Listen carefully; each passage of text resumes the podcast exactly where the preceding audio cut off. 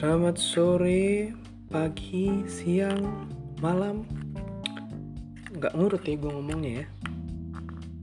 Seharusnya ngurut gue. Ngulang ya, ngulang, ngulang. Oke, selamat pagi, siang, malam. Nah, baru pas. Oke semua. Eh, kali ini lebih ngobrol-ngobrol ya. Udah lama nggak buat ngobrol-ngobrol. Topiknya apa nih? Asik kan? Pengalaman SD kali ya? SD Nah, siapa di sini yang nggak pernah SD eh kayaknya sih udah semua ya pernah setengahnya SD SD bagi orang-orang SD adalah mungkin nggak ada artinya kali yang nggak maksud gue lu tahu apa sih SD gitu loh? Secara pribadi gue nggak tahu eh, udah ada pengalaman apa. Cuman kalau gue sih ah, SD ya. Cupu men. Eh gak cupu gue gue SD di sekolah swasta. Ya kan yang mana S, S sorry SMP TK-nya juga di swasta yang sama gue gitu. Orangnya sangat pemalu ya kan SD cupu. Kenapa gue bilang cupu? Karena sampai dengan kelas 2 kalau nggak salah gue harus ditemenin nyokap untuk masuk kelas. Gila nggak? Hah? iya. Karena kebetulan nyokap gue SD juga. Iya. Enggak lah. Bukan itu maksud gue. Iya gue ditemenin karena gue kalau nggak ditemenin nangis. Kenapa bisa nangis? Jangan tanya gue gue juga bingung kenapa bisa sampai kayak gitu.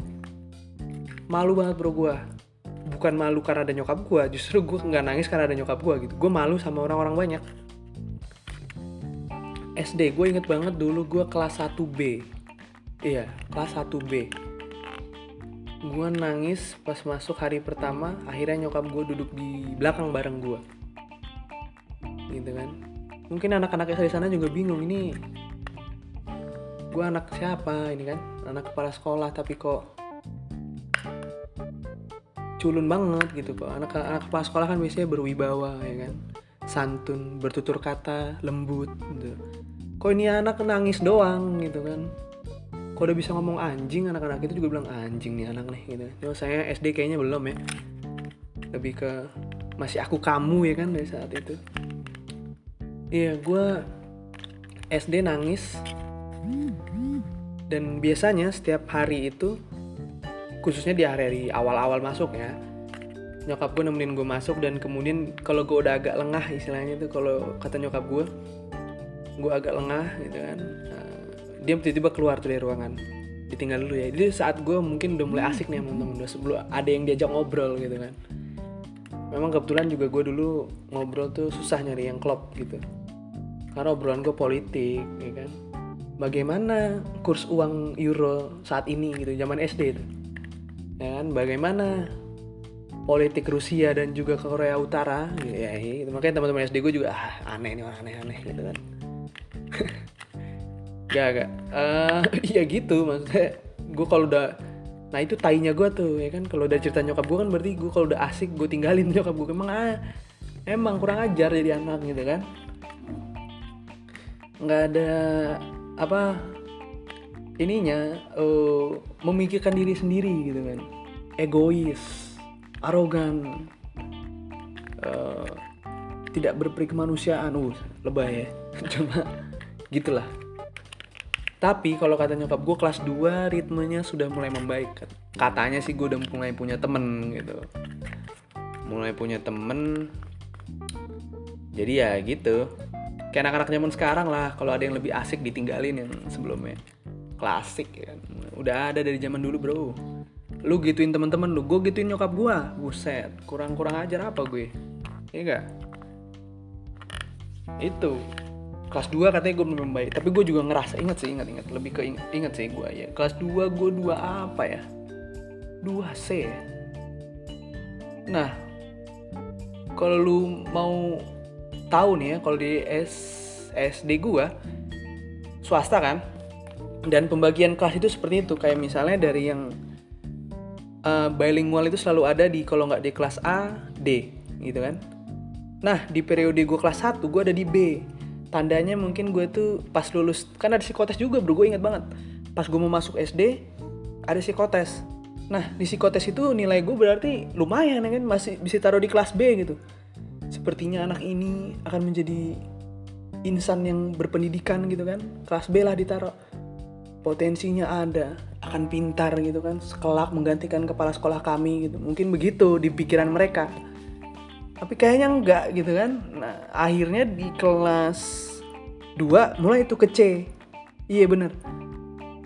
Kalau nggak salah ya 2 kelas 3 tuh gue udah mulai di antara C D C D C D C D gitu.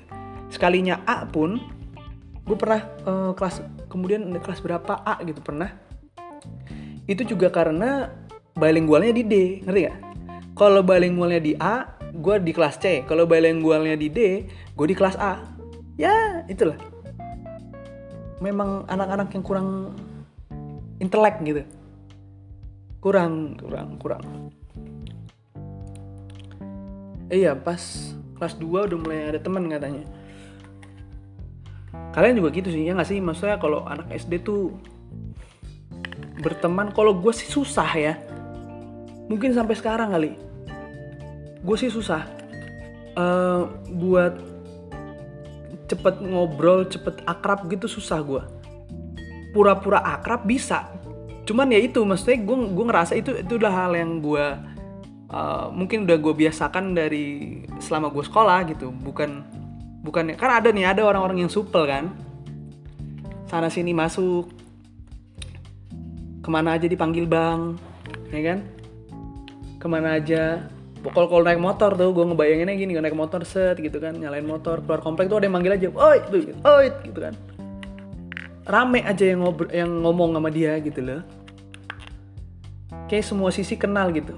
Oh si ini gitu. Oh si ya. Kalau gue nggak gue nggak gue nggak banget sampai sekarang juga di komplek gue yang kenal gue paling cuman bokap nyokap gue doang sama pak rt iya. Ya itulah. Kelas 2 malu-malunya berkurang. Di kelas 2 sih nggak banyak yang bisa gue ceritain sih. Kalau misalnya di kelas 3 yang mulai agak ingat gue gue ikut drum band. Buset. Drum band bro. Ekskul ya kan? Karena awalnya oh gue inget awalnya tadinya gue kelas 2 itu nyoba basket. Iya pengen jadi ini gue Denny Sumargo ya. Tapi kayaknya cocoknya jadi Denny Denny siapa tuh pelawak tuh? Nggak juga sih Denny pelawak banyak ininya ya. Pinter tuh orang sebenarnya tuh. Gue apa ya Denny? Ya Denny lah ya. Ya yeah, pokoknya gitu. Pengen tuh gue latihan hari Sabtu gue ingat hari pertama gue ke uh, ikut ekskul pertama basket ya pemanasan sudah tidak nyaman gitu kan. Apa ini? Olahraga apa ini gitu kan. Karena di mungkin di game sih banyak ya. Apa sih game zaman dulu kan NBA ataupun di kartun-kartun banyak tuh visualisasi tentang basket gitu. Wow keren. Tapi pas nyampe sana kok kayaknya gue culun banget gitu kan celana gombrong ya kan? Sepatu tinggi megang bola pantul-pantulin bolanya. Ya emang gitu main basket kan. Ya nggak apa-apa gue gue ngerasa nggak cocok aja. Lebih ke baik lagi malu iya.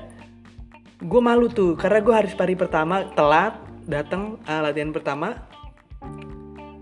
Telat ya malu dong gitu kan. Ya akhirnya nggak nyaman gue gue langsung nggak asik lah gitu kan. Diajak ngobrol bro ah udahlah eh, buang muka gue padahal yang ngomong tuh gurunya tuh gimana kagak dikeluarin gue karena iya akhirnya gue dikeluarin gitu. Terlepas memang gue nggak datang datang lagi gitu jadi gue udah stop gue ekskul basket tuh. Nah di kelas tiganya benar gue mulai nih uh, ngerasa jiwa musik gue memberontak gitu kan gue ikut drum band yeah. Sebenarnya gue bukan jiwa bukan sosokan jiwa musik ya. Sebenarnya biar ada aja gue ikut temen deh kalau nggak salah. Kan ya kan lu tahu tadi kan gak punya teman akhirnya nih ada nih ada nih beberapa orang kayak ah cocok nih. Bisa nih ngobrol ya kan. Karena kalau misalnya gue ah kalau gue nggak sama dia juga gue mau siapa lagi kan yang lain dong nerima gue apalagi kalau nih gue tinggalin ngobrol sama siapa gue apa portal ya kan? Nggak mungkin dong. Iya. Nah dari situ gue drum band. Kayaknya juga gue uh, sekolah gue menang main waktu itu. Mm -mm. itu satu-satunya prestasi yang gue punya hingga saat ini. Gila. The best nggak? The best nggak? Waktu itu gue ingat gue kontes di kolam berenang tuh. Di Bikini Bottom yo bukan. Di mana? Ah, apa sih namanya? Bukan Sea World. Ancol ya Ancol nih kalau nggak salah. Ancol. Oh taman taman mini apa Ancol ya? Bukan ada kolam berenangnya deh. Apa gitu? Gue main buset. Itu latihannya bro. Drum band tuh. Boleh lah. Maksudnya uh, kalau orang bilang tentara itu oh, latihannya berat gitu kan. Gue setuju sih. Maksud gue angkat senjata bro. Ini gue angkat pianika aja nih dulu zaman drum band. Bukan senjata tuh angkat pianika. Buset latihannya pagi-pagi pagi tiba-tiba ya kalau anak drum band yang mau ikut kompetisi waktu itu. Anak drum band mana? Gitu kan. Tiba-tiba ada ada ini gue guru guru drum band gue si A si B si C keluar gitu. Keluar kita. Emang keren tapi kesannya kayak apa sih?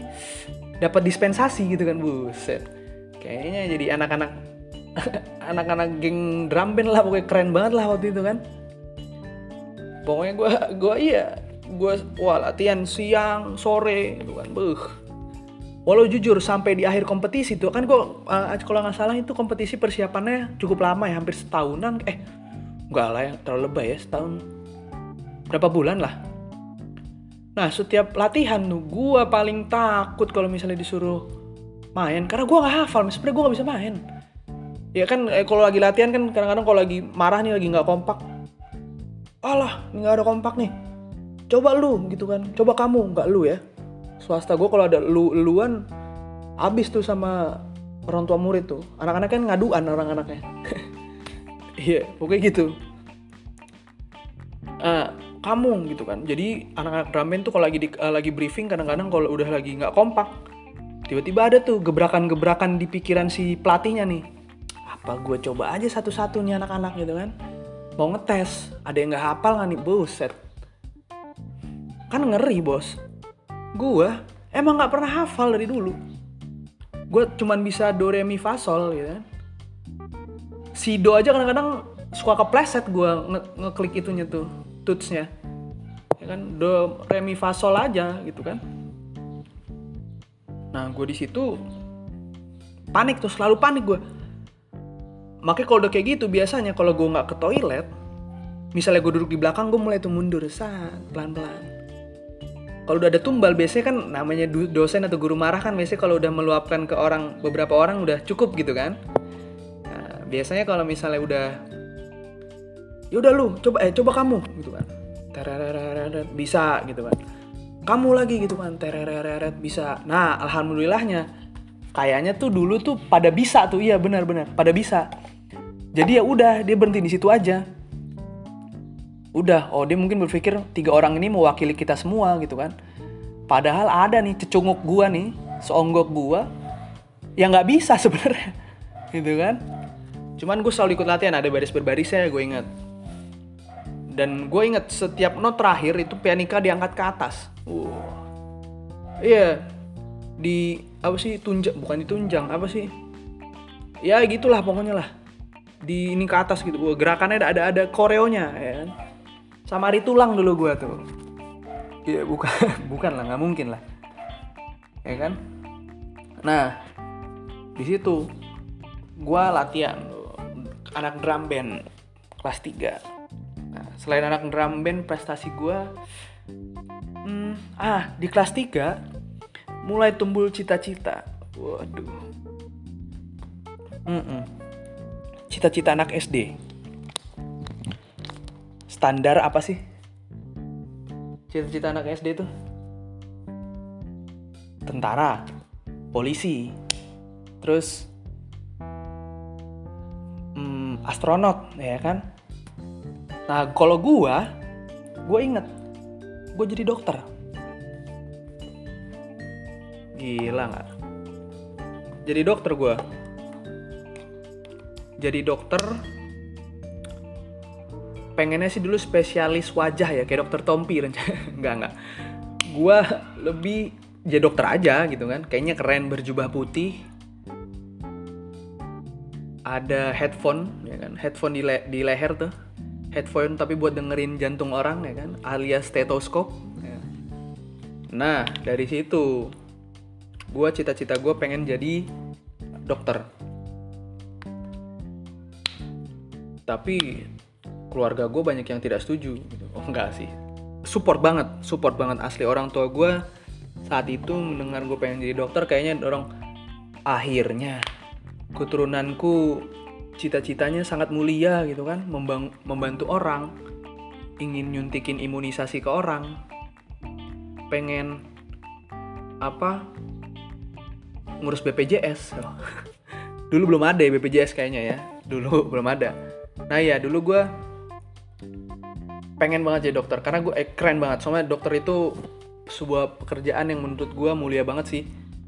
Uh, uh, ya iyalah bantu orang kesehatan gitu kan. Kesehatan kan hal yang penting. Karena pernah ada pepatah yang bilang kesehatan adalah sebagian dari iman. Bener nggak gue anggap aja bener ya anggap aja bener. Iya. Kesehatan tuh wah gue pengen banget. Nah di situ gue uh, ya memang menunjang juga di saat itu nilai gue untuk uh, uh, mata pelajaran yang memang arahnya ke dokter gitu. Kayak IPA IPA gue bagus nilai gue kelas 3 asli. Dan kayaknya seterusnya deh. Selama SD IPA gue selalu bagus. Apalagi khususnya di bagian pelajaran yang ngebahas tentang reproduksi Enggak, enggak. Gue uh, dulu bagus bagus. Kalau nggak 8 9 2 tiga setengah. Ya namanya orang kan ada jatuh bangun dong. Masa di atas terus ya kan? Karena kan bumi itu berputar. Kadang di bawah kadang di bawah terus. Gak di atas atas itu bisa aja. Cuman ya itulah siklus. Kadang-kadang jelek kadang bagus. Cuman sering bagus. Kalau IPA dan um, gue tuh suka yang bau-baunya IP, IPS gue suka. Cuman gue nggak suka pelajaran IPS yang geografi kalau nggak salah dulu. Nggak tahu kenapa. Apa karena gurunya ya?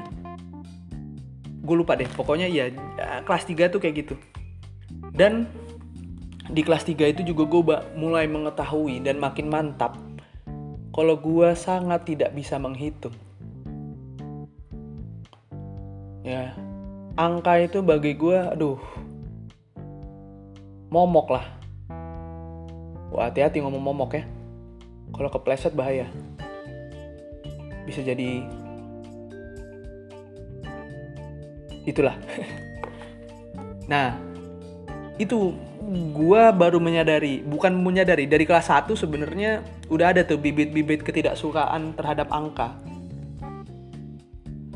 bukan angka bukannya gue kaget kalau bukannya gue takut dengan angka ya. Misalnya gue ngeliat angka satu gue teriak enggak. Cuman lebih ke nggak bisa hitung hitungan gila. Hitung hitungan tuh buset deh. Mau mau ini gue keringetan gue kalau ngitung hitungan kan kalau nggak salah di SD kelas ya kelas 3 lah baru mulai ada mulai tambah yang ribet-ribet yang tanda kurung-kurung itu mulai ada di SD kelas 3 kalau nggak salah sama mulai ada kali-kalian itu mulai masuk tuh ya kan? Hitung-hitungan aja gue udah capek nih lagi muncul nih pendatang baru kali-kalian bagi dan kawan-kawannya. Di saat itu di situ gue udah mulai pusing tuh padahal nggak tahu tuh. Di SMA ada sin kostan. Astaga. Pi tahu pi? Iya yang lambangnya kayak apa tuh? Gapura tuh lambangnya tuh pi ya kan? Wah itu gokil gue udah mulai mantap tuh di situ. Tapi gue masih jadi dokter pengen. Gue nggak berpikir saat itu kalau misalnya jadi dokter itu perlu matematika. Gitu kan? Gue hanya berpikir ah gue bisa kok kalau lagi ditanya bernafas.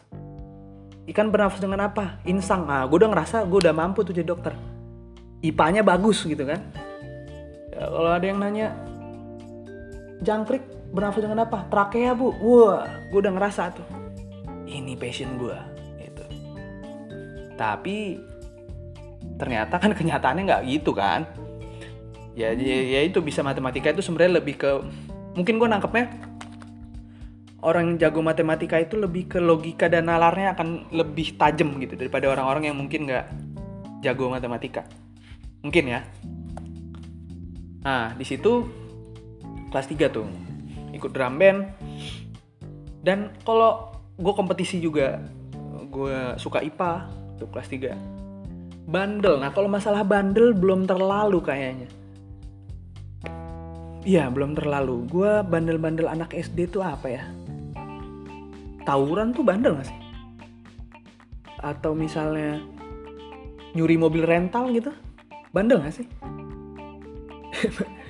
ya bandel-bandel anak SD apa sih? Hmm. Nah uniknya gue bandel-bandel anak SD ya biasa lah. Maksudnya sama guru segala macam cekcok ada lah pasti kan sok-sok bandel bad boy gitu kan berantem berantem gak jelas sama teman itu biasa lah tapi uniknya gue dari kelas 1 sampai kelas 3 gue sangat takut nyontek Gila. Nyontek tuh gue gue takut banget gitu. Mungkin karena kalau orang tua gue ngajarin kali ya maksudnya bukan ngajak nggak ngajarin juga sih gue ngerasa itu hal yang salah aja. Kayaknya gue melakukan dosa besar gitu kayaknya kalau gue nyontek pintu maaf nggak terbuka lagi buat gue gitu di saat itu. Sampai kelas 3 limitnya. Jadi makanya nilai gue lumayan pun di bagian tertentu ya walaupun gue kelas C ya cuma di nilai tertentu itu gue bagus memang gitu loh. Kelas 3 nah naik ke kelas 4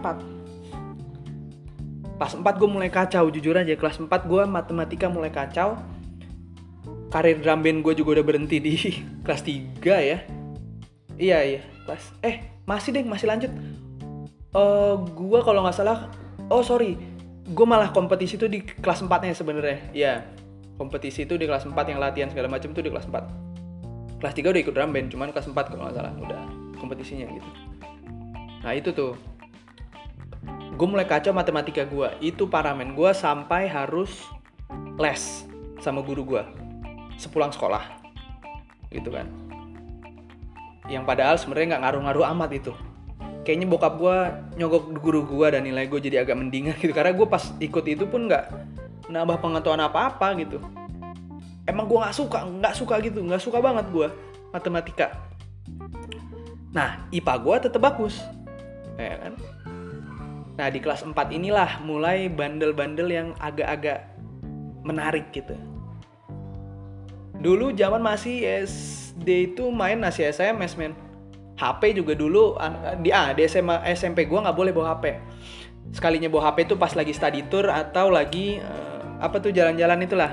Keragunan standar lah taman mini gitu boleh bawa HP dan HP-nya juga masih Walkman ya kan rata-rata. Yang kalau ganti lagu tuh di shake buset tuh canggih banget. Zaman itu. HP bisa di shake wah ini teknologi yang luar biasa kan? Teknologi alien apa ini gitu kan? Saat itu. Pokoknya itulah jadi serunya di saat itu SMS SMS sama teman gua sebelum ada alay dulu nama-nama di kontak gua itu nama alay. Sebelum gua tahu ada konsep alay ya dengan mengganti-ganti huruf dengan angka gitu kan alay kan katanya kan sekarang kan. Gua nggak misalnya gini gue di kontak gue ada nama bapak gitu ya. Bapak itu gue satu tiga empat p nya biasa empat terus uh, uh, uh, satu k nya itu tanda yang lebih tanda lebih kecil ya gitu kan.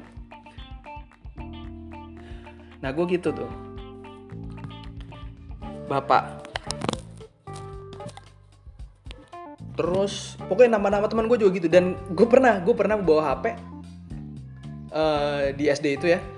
Teman gue sampai bingung mau nelpon orang nih sampai bingung ini gue mau nelpon dong. Karena namanya semua teman-teman gue pun dinamain itu gitu loh. Keren memang Gila, misterius. Sebelum ada konsep alay, gue sudah alay duluan. Imajinasi gue sangat visioner gitu. Kesannya keren amat visioner. Nah itu, bandel-bandelnya apa ya? SMS sama temen gitu kan, eh, sama temen cewek. Dulu tuh, ini gue kalau misalnya dapat nomor cewek, gue SMS. Apa ya? Kayak bukan hai deh bercandaan gitu kalau nggak salah. Openingnya intronya aja udah, bercanda gitu saat itu ya. Apa ya? Anggaplah hai ya hai gitu hai gitu. Biasanya kan si anak ceweknya juga bingung siapa nih orang gitu kan. Gue nggak pernah ngaku semisterius itu gue. Gue kayak coba tebak siapa. Us pengen dikejar banget bos kayaknya bos. Kayak gitu gue kelas 4 kelas 5 tuh kayak gitu. Seru lah Nah di kelas 5 nih yang mulai bandel Gue mulai bobo locker ya kan? Mulai belajar menyontek yang gue ternyata merasakan Enak banget nyontek ternyata. Gue kira nggak enak ternyata enak banget. Di kelas 5 tuh Gue bobo lockernya pakai ini dulu gunting. Di sekolah gue ada locker gitu Sebagai informasi. Jadi uh, orang-orang tuh bisa anak-anak tuh gue tuh nggak nggak kelasnya nggak di situ doang jadi moving class. Makanya ada locker.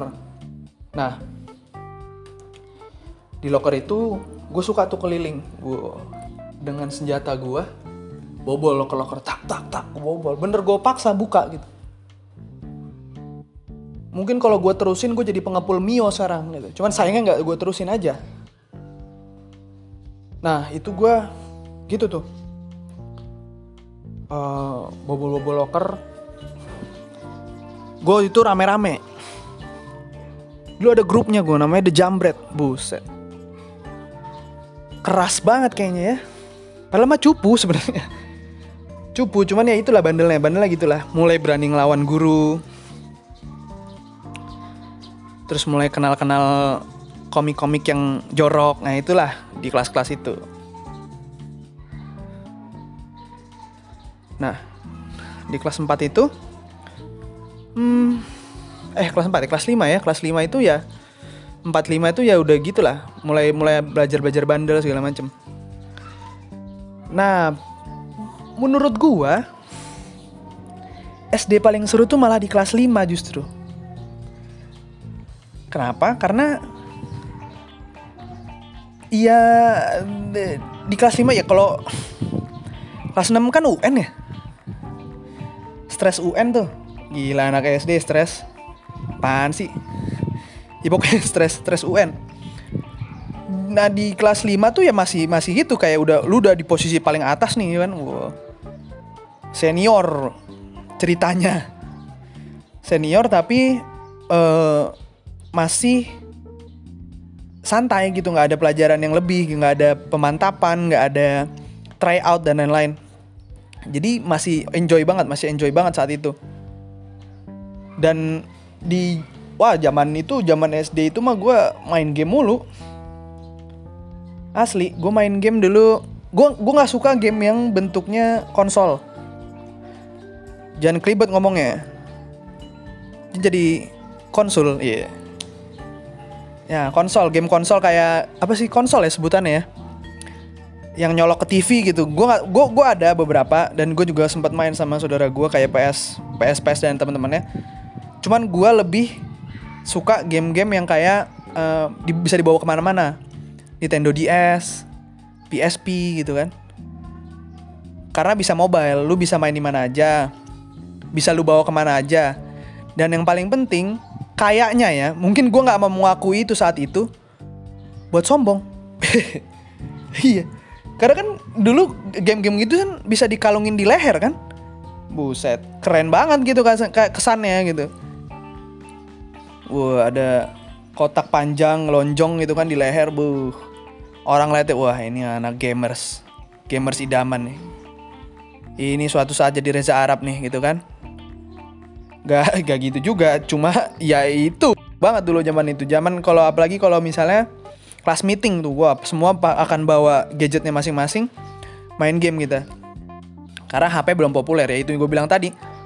Masih ya teman-teman juga pas sebagian yang umurnya mungkin sama sama gue mungkin ngerasain hal yang sama ya. Nah itu game-game kayak gitu. Main-main wah apa sih? Nintendo tuh Cooking Mama ya kan? Uh, dan lain-lain gitu. Seru lah. Man itu lebih ke situ sih sebenarnya SD ya dan nggak tahu kalau anak-anak sekarang sih. Apakah kayak gitu juga prosesnya? Apakah sekarang masih ada ekskul? Apakah masih bisa masih kayak berbagi game gitu? Mungkin sekarang masih ya cuman mainnya ML gitu kan. Mainnya uh, PUBG mainnya COD gitu di HP gitu. Mungkin masih ya. Cuma gue nggak tahu dulu tuh referensi keseruan tuh kayak banyak banget gitu. Ada karena kartun banyak. Oh ya gue juga lupa cerita. Dulu gue sempat beli gue suka gambar ya gue suka gambar dan gue sempat beli komik buatan temen gue iya. Maksudnya sekreatif itu ya zaman itu gitu. Gue nggak tahu gue nggak bilang sekolah gue paling kreatif paling keren terkece se Asia Tenggara enggak cuma apa namanya uh, ada gitu loh zaman itu. Nggak tahu nih anak-anak sekarang. Harapannya sih maksudnya anak-anak sekarang bisa menemukan keseruannya karena zaman SD itu walaupun memang nggak terlalu berdampak tapi setidaknya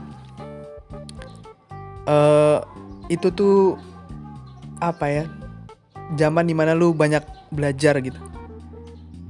Bukan hanya pendidikan formal tapi lebih ke ya lebih ke pendidikan formal sih ya karena kan lu sekolah les tidur bangun pagi kayak gitu sih. Cuma banyak belajar lah di SD gitu. Semoga aja sih anak-anak sekarang juga nggak beda jauh dari itulah. Ya itu sih kurang lebih cerita SD nah kalau SMP mungkin nanti bakal ngobrol-ngobrol lagi kali ya. Ya itulah. Oke lah kalau begitu. Selamat sore lah